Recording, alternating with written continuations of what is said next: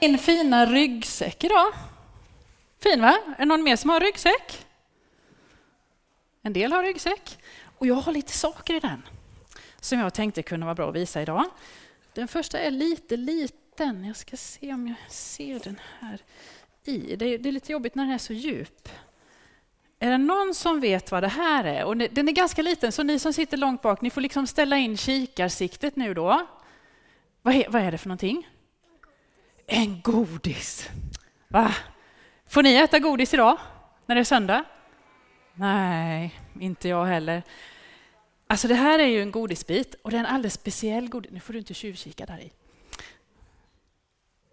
Eh, det här är en, en godisbit, men om man tittar lite närmre så är den ju av, den är av glas.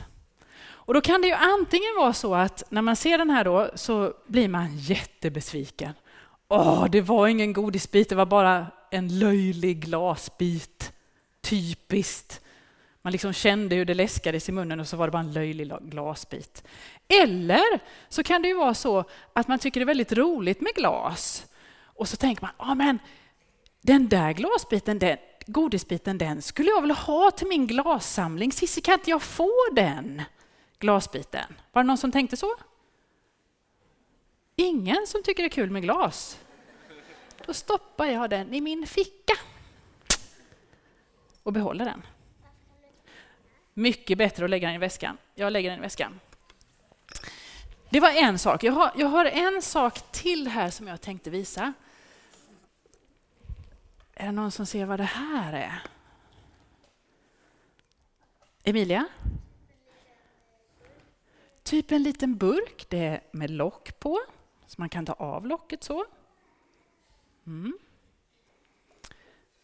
Man skulle ju kunna tro att det här är en helt vanlig träburk eller skål. Och det kanske du tycker. Men om jag talar om att den här träskålen, den har min gamla morfar Uno gjort. Då förstår ju en del av er att det här är inte vilken träskål som helst. För mig i alla fall. För dig kanske det är vilken träskål som helst, men inte för mig. Det är bara, inte bara en träskål, utan det är ett minne av min gamla morfar som har gjort den här. Jag skulle aldrig kunna göra en sån. Jag ställer den där. Och så, jag tror förresten att jag lägger upp den där så vi kan se dem där. Så. Okej. Okay. Sen har jag en sak till. Jag har, jag har tre saker med mig. En sak till. Och nu får inte, nu får inte Ville och Rut säga någonting. Är det någon som ser vad det här är?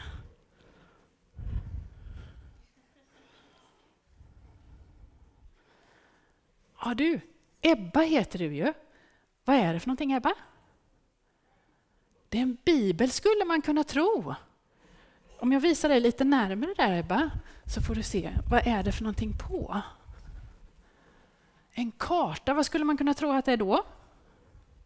En kartbok skulle man kunna tro att det är. Och så det, jag tror att man kan se att det är en ganska gammal karta, eller hur? Ja. Och man skulle kunna tro att det är en kartbok. Men Ville vet, för att den här har jag lånat av Wilhelms morfar.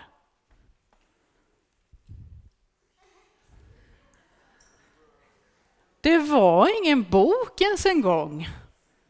Det var en låda som Willes morfar brukar ha nötter och aprikoser i.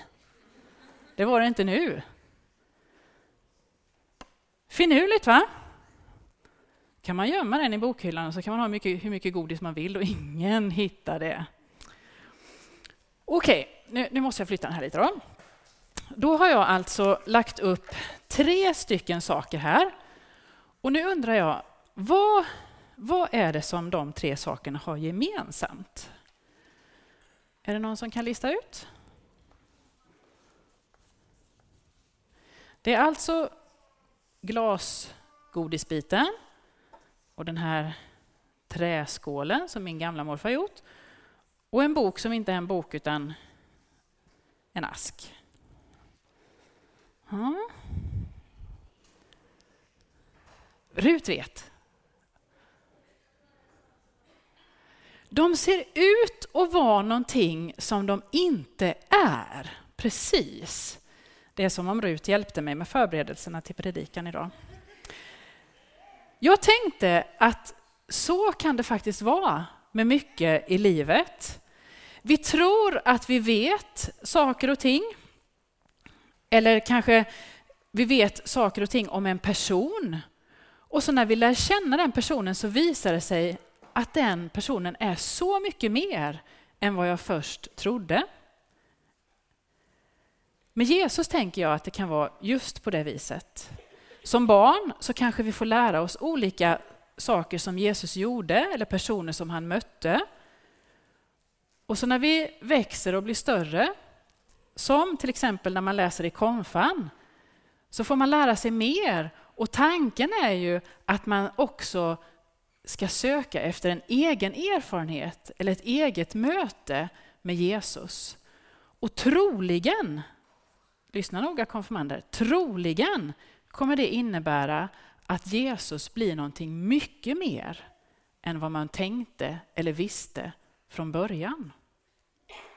Och Det finns ett tillfälle i Bibeln som beskriver det jätteväl. Och nu, nu var det så liten text i Bibeln så jag bad Emilia hjälpa mig att läsa och vi fick liksom förstora det lite. Kommer du fram här Emilia så ska vi läsa tillsammans. Är du med? Mm. En gång när Jesus stod vid Genesaret sjön och folket trängde på för att höra Guds ord fick han se två båtar ligga vid stranden. Fiskarna hade gått ur för att skölja näten. Han steg i den ena båten som tillhörde Simon och bad honom att ro ut ett litet stycke. Sen satte han sig ner och undervisade folket ur båten.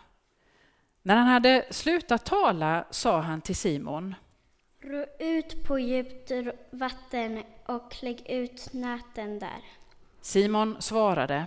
Mästare, vi har hållit på hela natten utan att få något, men eftersom du säger det ska jag lägga ut näten. Och de gjorde så och drog ihop en väldig mängd fisk. Näten var nära att brista och de vinkade åt sig sina kamrater i den andra båten att komma och hjälpa till. De kom och man fick så mycket fisk i båda båtarna att de nära höll på att sjunka. Då kastade sig Simon Petrus ner vid Jesu knän och sa Lämna mig, Herre, jag är en syndare. Ty han och de som var med honom greps av bävan när de såg all fisken de hade fångat. Likaså Jakob och Johannes, Sebedaios söner, som hörde till samma fiskelag som Simon. Men Jesus sa till Simon. Var inte rädd, från denna stund ska, ska du fånga människor. Då rodde de i land, lämnade allt och följde honom. Tack Emilia. När Petrus förstod att Jesus var så mycket mer än vad han först visste eller trodde, så blev han så överväldigad av det. Och han trodde att Jesus, som var en sån fantastisk person, att han inte skulle vilja vara med Petrus, som kände sig väldigt ynklig i den stunden. Så är inte Jesus. Jesus ville vara med Petrus och han fick, Petrus fick ju till och med ett speciellt uppdrag att han skulle fånga in människor som ville börja tro på Jesus. Och Det betyder inte att han skulle hålla dem fångna. Det tror jag att du tänkte förut när vi pratade om det. Utan det betydde att han skulle liksom locka människor att följa Jesus. Och när lärjungarna fick lära känna Jesus steg för steg så fick de upptäcka att Jesus var så mycket mer än de först hade trott. De kanske tänkte att han var en enkel snickare. Och det var han. Han var en enkel snickare. Men han var så mycket mer också. Guds son, den som skulle komma hit till oss för att visa oss hur mycket Gud älskar oss. Som skulle ta världens ondska och synd på sig för att befria oss andra. Jesus var en som inte väjde för att säga som det var och för att försvara den som var liten. Och Jesus skulle flera gånger kunna ha blivit vald till kung. Men han ville någonting större än att till och med bli kung. Han ville visa hur mycket Gud älskar varje enskild människa. Han ville besegra döden och ge liv.